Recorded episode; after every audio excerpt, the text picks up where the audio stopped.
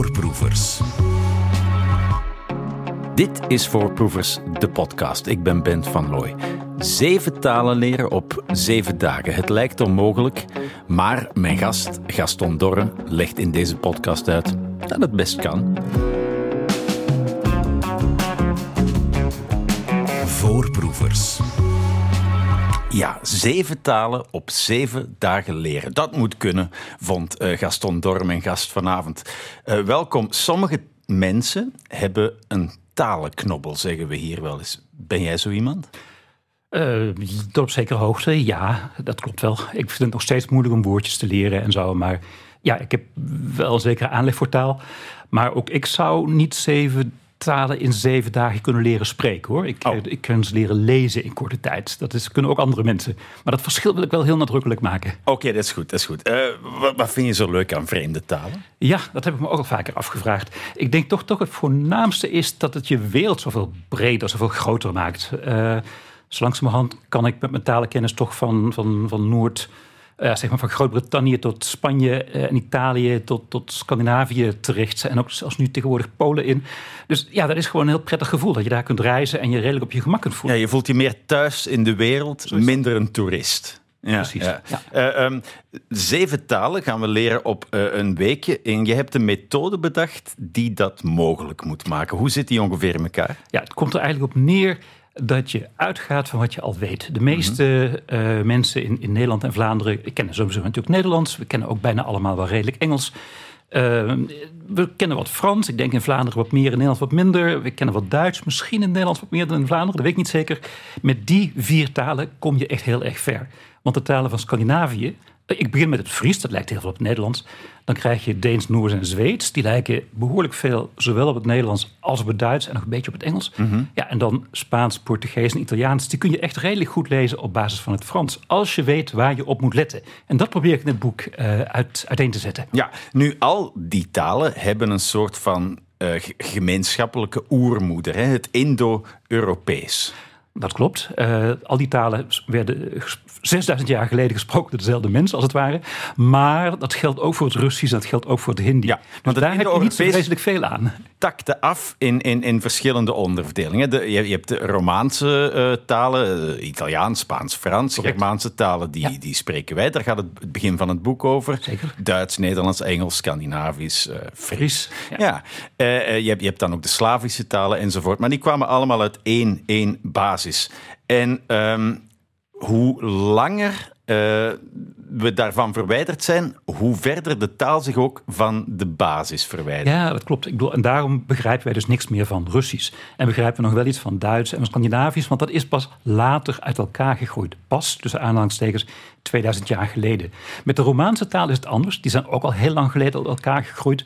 Maar onze eigen talen zijn zo beïnvloed door het Latijn en door het Frans in de loop van de eeuwen, dat we toch heel veel gemeenschappelijkheden daar zien. Hè? In woordkeus en zelfs in grammatica wel. Ja, en er zijn tussen al die talen natuurlijk ook sinds het begin eigenlijk kruisbestuivingen gebeurd. Hè?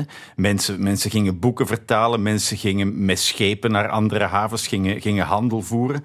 Uh, dat, dat was ook heel belangrijk. Zeker, daardoor uh, zijn al die woorden uit het uh, Nederlands naar het Engels, uit het Scandinavisch naar het Engels, van het Nederlands naar het Frans, van het Frans naar het Nederlands enzovoort, inderdaad overgewaaid, zeg maar. Ja, wat ik mooi vond is dat we vandaag eigenlijk nog een paar van die oerwoorden gewoon gebruiken, alsof ze gisteren uitgevonden zijn. dat is zeker. Ik, het woord vlam bijvoorbeeld is eigenlijk in al die talen min of meer hetzelfde Vlam, dat, het komt echt uit het Latijn, dat de flamma, dat is dan in het Nederlands ook wel verzeild geraakt. Bijvoorbeeld zoon en dochter en moeder en dat soort woorden, die zijn echt in heel Europa, in de Indo-Europese talen, zoals je zegt, uh, lijken die op elkaar. En zelfs ook in de Indo-Europese talen van India en Iran, oh ja. daar ook. Die, die echte basisdingen die zo belangrijk zijn dat ze eigenlijk hetzelfde uh, gebleven zijn. Uh, nu, het Engels is een klein beetje een buiten buiten. Dus, nou, zeg maar gerust heel erg een buitenbeentje. Ja. Want het, het Engels heeft een hele vreemde grammatica. Nou daar hoeven we het nou niet over te hebben. Maar het Engels heeft ook een hele merkwaardige mengeling van een Germaanse en Romaanse woordenschat. Wij als Nederlandstaligen herkennen best veel Nederlandse woorden in het Engels. Hè? Open en, uh, en go en zo. Maar ook heel veel Franse woorden herkennen we erin. Uh, Matten, hè, schaap, Precies, van mouton of, of, al dat soort dingen. Ja, sheep van schaap, in ieder geval samenhang met schaap. Dus het, het, Engels is inderdaad in de loop van zijn geschiedenis, van zijn bewogen geschiedenis, heel sterk een mengsel geworden van oude Germaanse woorden en heel veel Frans en Latijn. Ja, je, je geeft in, in je boek, je reikt ons een hele slimme truc aan. Je moet de woorden in een buitenlandse taal lezen zoals ze geschreven zijn. Dan wordt die link ineens veel duidelijker. Met name in het Frans is dat zo. Ja. Frans worden, in het Frans worden natuurlijk heel veel letters geschreven, dus niet uitspreken. Maar die letters staan er niet voor niks. Ik bedoel, de Fransen hebben, Franstaligen hebben er niks aan, maar wij wel.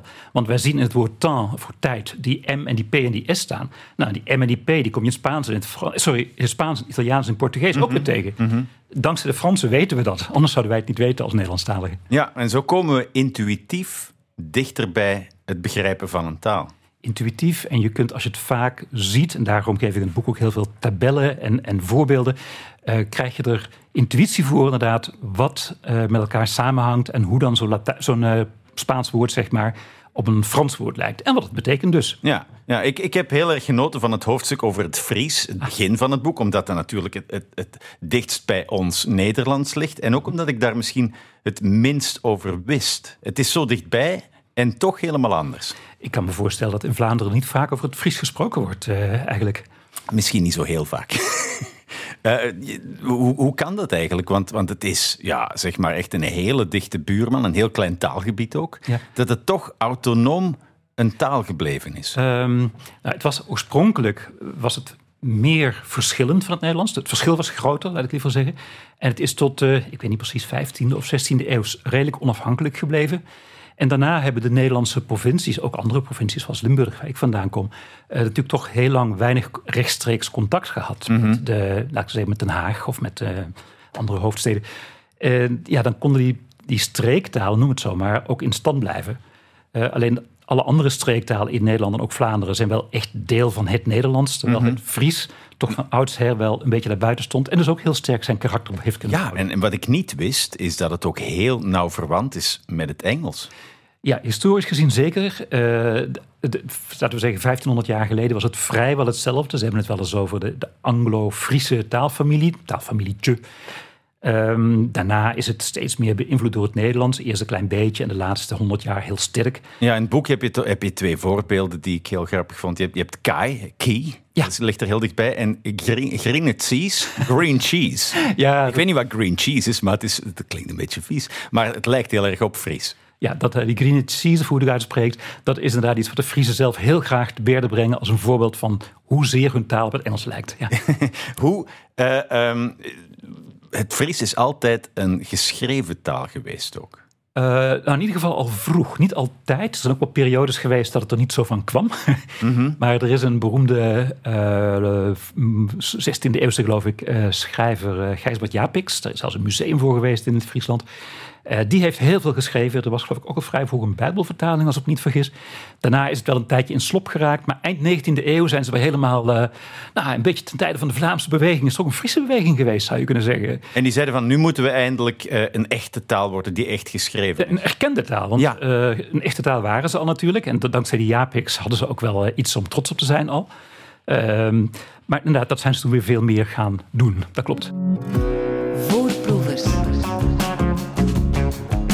Ook heerlijk nieuws voor liefhebbers van uh, donkere Noordse uh, televisieseries. Na dit uurtje voorproevers kan je misschien gewoon naar Borgen of naar de Bridge kijken zonder ondertiteling. Fantastisch, zou ik zeggen. Het fascinerende uh, is inderdaad, Gaston, dat het niet zo gek ver weg ligt hè, van ons Nederlands. Nee, dat uh, klopt. Ik bedoel, jij durft mijn boek nog schaamtelozer aan te prijzen dan ik zou doen. Want ik zal nooit beloven dat mensen het kunnen verstaan. Ik beloof echt alleen dat ze het kunnen leren lezen. Maar oh, ik ben heel blij met je aanprijzingen. uh, maar inderdaad, als je, laten we zeggen, als je bij die series de ondertiteling in de eigen taal gewoon aanzet, in de oorspronkelijke taal, dan moet je er wel een stuk meer van kunnen begrijpen dan okay, ik doe. Oké, oké. Eh, nu, in het begin was, was het ook net als het Fries veel verder weg van ons. Hè? De vikings die voor het eerst hier aan wal kwamen, hadden we wellicht niet onmiddellijk begrepen. Moeilijker, inderdaad. Het punt is dat uh, de Scandinavische talen in de, laten we zeggen, late middeleeuwen, uh, 13e, 14e, 15e eeuw, heel sterk beïnvloed zijn door het uh, Duits, Noord-Duits van, de, mm van de Hanse, van die handelsorganisatie, die van, uh, van Brugge tot, tot, tot Kaliningrad en tot in Bergen in Noorwegen. De Hansesteden. De Hansesteden, precies. Dat, dat, die handelsorganisatie die had als voertaal het Nederduits, het Duits van Noord-Duitsland. En de, de, huidige Scandinavische talen bestaan wel voor 25% uit woorden uit dat Nederduits. Ah, Nederduits dat leek bovendien heel sterk op het Nederlands. Ah, dus dat maakt het, die talen voor ons nu veel toegankelijker dan ze in der tijd waren. En voor de mensen die zich willen voorstellen hoe de vikings dan klonken in het begin, die moeten gewoon naar IJsland. Naar IJsland, inderdaad. Daar praten ze nog steeds zo. Dat is echt uh, heel moeilijk, IJsland, te lezen. Dat zit niet in mijn boek, want dat is te lastig. uh, nu, Deens ligt, schrijf je in je boek, het dichtst bij dat Nederduits. Eh, van Scandinavische talen. Klopt. Het, Deens is, ligt ook het dichtst bij Noord-Duitsland. Dus is, is gewoon het sterkst, uh, het allersterkst beïnvloed. Uh, dus daar zie je in de woordenschat gewoon, daar herken je zoveel Duitse en zelfs ook Nederlandse Nederduitse woorden in. Dat is relatief nog makkelijker dan nou, Noors, dat gaat ook wel. Zweeds is net een beetje moeilijker. Ziet er een beetje anders uit. Heeft wat meer eigen woorden. Ja. Maar nog steeds goed te doen hoor. Ja, maar Noors komt ook omdat Denemarken de baas was in Noorwegen voor heel ja, dat klopt. Eeuwenlang. Uh, de, het Noors van nu is eigenlijk een soort Deens met een Oslo's accent. Oh, echt? Ligt het zo dicht bij elkaar? Ik zou dit niet durven zeggen tegen een Noorse radiopresentator, ja, ja. maar het ligt wel echt op papier heel dicht bij elkaar. Oh ja. Um, nu, wat, wat, wat zijn de best hoorbare verschillen tussen die Scandinavische talen? De best hoorbare? Ja. Ah, ik, ik heb me hier dus heel... Echt op het schriftelijke geconcentreerd. Ja, ja, ja, ja. Nee, dat is waar. Dat is waar. Nu, wat ik wel grappig vond, alle Scandinavische talen samen, die, uh, die vermijden graag de letter W. dat klopt, ja. Uh, behalve als ze whisky drinken. In whisky hebben ze wel een, uh, een W. Maar voor de rest schrijven ze eigenlijk altijd een, een V. Dus in al die woorden waarin wij een W verwachten, zoals uh, winnen of wijn, ja. vind je in die talen gewoon een V. En het fijne is dus, als je dat weet, nou, en dat weet de luisteraar nu ook, dan kun je gewoon in je hoofd die V vervangen door een W en dan lijkt het weer wat meer op het Nederlands. Ja, dat klopt. Uh, ook heel interessant, waar komen die zeer merkwaardige Deense tientallen van de nummers 50 ah. tot 90 vandaan. Of beter gezegd de twintigtallen, want daar kwam ik echt niet uit. Nee, precies. Het Deens lijkt wat dat betreft op het Frans met zijn uh, quatre Ja, ja. Uh, ik weet niet precies de Deense woorden, die zijn best wel ingewikkeld. Maar in wezen zeggen ze zoiets als uh, 320 en 420. En het is nog erger, want tegen een woord als 70 zeggen ze niet 320 keer plus 10, maar ze zeggen iets van 3,5 20. Echt? En dat 3,5 dat klinkt als vierde half. Dus drie helemaal en de vierde half en dan keer 20 en dat is 70. Dat hoef je natuurlijk helemaal niet allemaal te weten om het te kunnen snappen. Hè? Nee. Uh, maar Want we moeten, taaltemmers, we moeten taaltemmers worden en, en geen uh, taalkenners. Nou, Precies. En de taaltemmers die moeten vooral ook uh, imperfectionistisch zijn. Ze moeten niet proberen om elke laatste woord te begrijpen, elk laatste zinnetje te begrijpen. Het gaat er echt om dat je een tekst, dat je het lef hebt, de durf hebt om een tekst bij de kladden te pakken, om te gaan lezen en te kijken hoe ver je komt, hoeveel je ervan begrijpt. En als je dan goed kijkt naar de plaatjes eromheen, de koppen, de context, de, de dingen die je wel snapt, dan kom je dus echt verrassend ver. Een grensovergang is iets anders dan een nachtclub. Uh, die, context, weet je, dat je, dan, dat, je weet aan de grens zal het wel dat betekenen. Ah, in de nacht ja. wellicht uh, eerder In de nacht vragen ze niet om uh, of je iets aan te geven hebt. Nee. Ja, ja, ja, ja. Nu, we zeiden net, al die Europese talen komen uit één grote moederschoot, het Indo-Europees. maar dan hadden we het daarnet over die aftakking van de Romaanse talen. Dat is wel eigenlijk een behoorlijk grote sprong. Ja, de, de, Romaanse talen zijn heel anders dan in Indo-Europees. En de Romaanse talen zijn voor ons heel erg nuttig, omdat we er zo redelijk vertrouwd mee zijn. Ja, Belgen misschien meer dan Nederlanders, zei, zei, zei, je daarnet. Uh, of over Belgen en Nederlanders gesproken. Ik heb het gevoel dat Nederlands-Nederlands harder evolueert dan Vlaams. Jullie lijken meer te spelen met taal of, of gretiger leenwoorden op te pikken. Als je bijvoorbeeld zegt, ik laat me niet piepelen, dat zouden wij hier nooit doen. Wij zouden zeggen, we zouden eerder naar een oud Frans woord. Uh, we laten ons niet couilloneren of zo. Een heel andere relatie met taal, toch? Nee? Ja, de, de verschillen tussen het, uh, het uh, Nederlands van Nederland en van Vlaanderen zijn zeker. Die verschillen zijn wel groter aan het worden. Een, een beetje tot mijn spijt. ik, ik, ik, maak me zorgen dat, ik, dat mijn kleinkinderen over 50 jaar dit gesprek misschien niet zo op deze manier in dezelfde taal zouden kunnen voeren, wie weet. Maar dat is wel aan het gebeuren, ja. Ja, want wanneer je Nederlandse programma's uit de jaren 50 ziet klinken die ook, ook heel veel uh, Vlaamser dan nu. Hè? Dat was denk ik ook omdat toen de, Vlaam, sorry, de Nederlandse televisie uh, zich meer aan de standaard hield en minder de, de, straat van de taal liet doorklinken. Ah, want op straat klonk het al zo. Ik denk het wel, ja. He, want waar, waar begint dan die, die Gooise reflex om in, om in plaats van o, o te zeggen en in plaats van ei, ei? Volgens mij gebeurt dat in de dialecten van West-Nederland al heel lang. Maar zijn die dialecten van West-Nederland in Nederland steeds dominanter geworden. En ook vanaf de jaren 70 in de media steeds meer aan bod gekomen. Mm -hmm. Ja, we, hebben hier, we gaan zo een, een, een ouderwets fragmentje even horen. Reeds na zeven van de op tien partijen bepaalde schaaktweekamp om het kampioenschap van Nederland... heeft de 54-jarige oud-wereldkampioen en uitdager, Dr. Max Euwe... een beslissende voorsprong van 5,5 tegen 1,5 punt behaald... op zijn 28-jarige tegenstander Jan Hein Donner. Het toernooi dat in Den Haag gespeeld wordt... is gisteravond beslist doordat Dr. Euwe ook de zevende partij won. Ja, dat kwam trouwens uit het allereerste televisiejournaal eh, van, van, van, van Nederland. En dat klinkt eigenlijk een beetje hetzelfde als wat je toen op de NTR, denk ik, of op de BRT eh, kon horen. We gaan zo meteen verder het taalbad in. Naast de zeven talen in dit boek zijn er natuurlijk talen die echt moeilijk zijn om onder de knie te krijgen. Je verwijst in je boek een paar keer naar een van je vorige boeken, ehm, eh, die we natuurlijk allemaal verslonden hebben. Eh, je hebt het hier over Babel, uh, een boek over de twintig grootste talen ter wereld. En daarin probeer jij om Vietnamees te leren. En vertel je ook waarom dat niet is. Ja, diepe zucht. Ja, inderdaad, het Vietnamees. Uh, ik dacht, als ik twintig uh, hele grote talen in de wereld ga beschrijven, moet ik ook proberen om een, om een echt moeilijke onder de knie te krijgen. Ik heb er twee jaar, de twee beste jaren van mijn leven aan besteed. Ik ben naar Vietnam geweest, heb hele aardige mensen leren kennen. Ik ben met eentje nog steeds bevriend.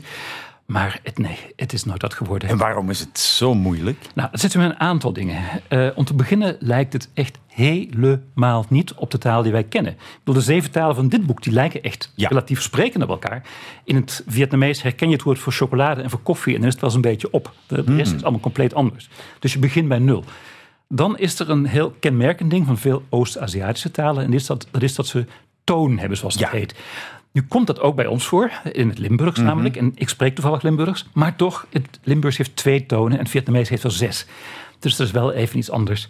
En woorden kunnen heel erg veranderen afhankelijk van de toon waarop ze ja, je hebt één woord dat betekent kokosnoot of meloen of mango, geloof ik. Al naar gelang welke toon je zegt. En natuurlijk heb je ook gevallen waarin je iets obsceens zegt zodra je een verkeerde toon gebruikt.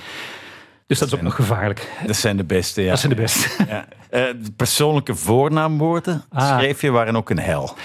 Ja, wij zijn gewend aan ik, jij, hij, zei het en zo. Uh, maar in het Vietnamees moet je eerst uitzoeken hoe oud de ander is. En dat vergelijken met hoe oud je zelf bent. Je, je, vraagt je af hoeveel respect je hebt voor de ander. Nou goed, dat is een beetje jij, u. Maar ik schat in dat jij een jaar of twaalf jonger bent dan ik. Dan zou ik waarschijnlijk tegen jou jongere broer zeggen. Maar dan ja. Vietnamees natuurlijk. En jij oh, tegen mij oudere broer zeggen. Als je twintig jaar jonger was, dan zou ik je neefje noemen. En jij zou mij oom noemen. Oh, maar jij bent een bekende Vlaming. Dus dan zou ik je misschien juist wel opa noemen. Dat klinkt een beetje beledigend. Maar dat is juist een compliment. Ja, ja, ja. Nou ja, dat soort dingen die gaan dus allemaal mis in het Die zijn heel moeilijk in het Vietnamees. Oh, wauw. Ja, dat klinkt verschrikkelijk. Nu, uh, sommige talen worden ook steeds makkelijker. Hè? Als we aan Chinees denken. Vroeger moesten we dat van rechts naar links lezen.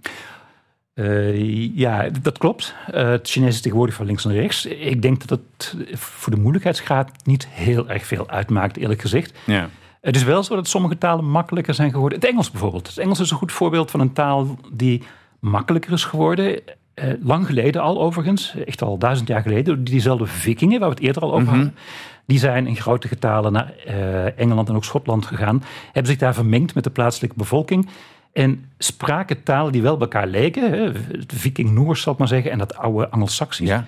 En daar is een soort... Ja, die hebben elkaar... Ze hebben zich aan elkaar glad geslepen, zou je oh, kunnen zeggen. Die hebben de naam vallen laten vallen. Heel veel werkwoordsvervoeging hebben ze laten vallen. En dat fijne Engels dat we nu kennen... nou ja, goed, fijn, niet iedereen vindt het fijn... maar het is toch relatief eenvoudig vergeleken met Spaans, laten we zeggen. Dat, dat, uh, dat hebben we dus echt te danken aan die periode. Hmm, hoe zit het eigenlijk met het Esperanto, vroeg ik mij plotseling af. een impulsieve vraag. Uh, ja, hoe is het daarmee? Het, uh, het is nog steeds een uh, fraaie en heel gemakkelijke taal, maar die, wel die door steeds minder mensen wordt gesproken. En ik heb de indruk dat de sprekersgemeenschap ook wel een beetje vergrijst. Ja, het is, het is echt een heel jaren zeventig ding. Ja, ja, of zelfs jaren twintig. Oh ja, echt? De, de, een beetje de socialistische beweging die ook voor de geheelonthouding was. En voor het korfbal, die was ook heel erg voor het Esperanto.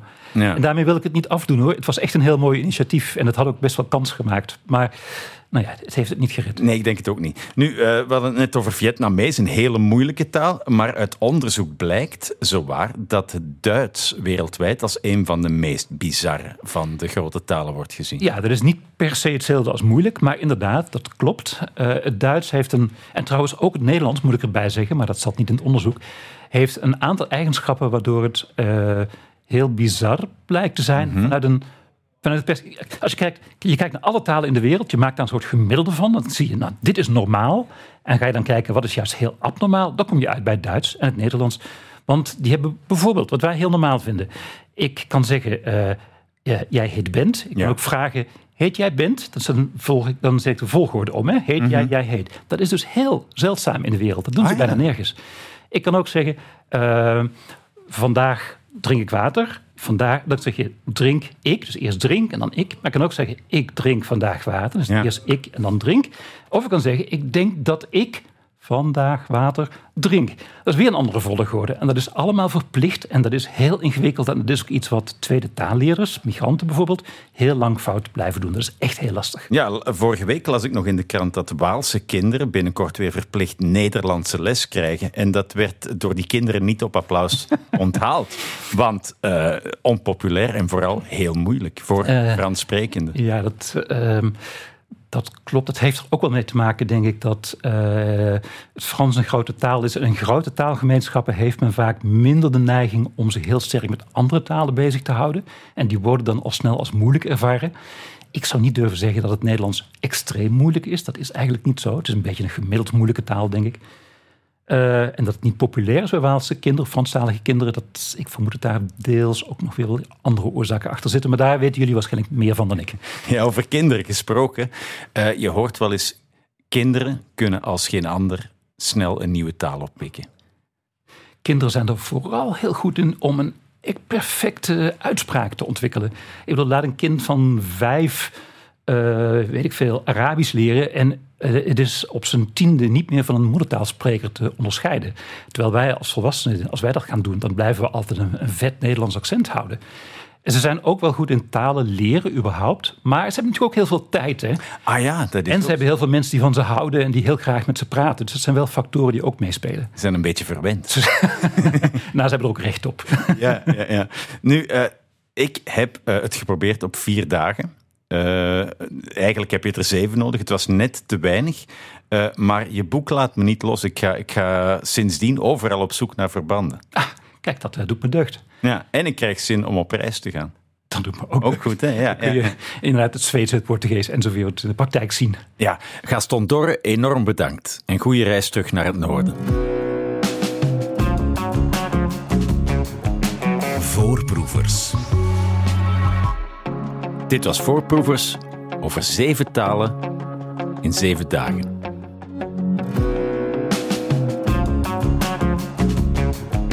Voorproevers.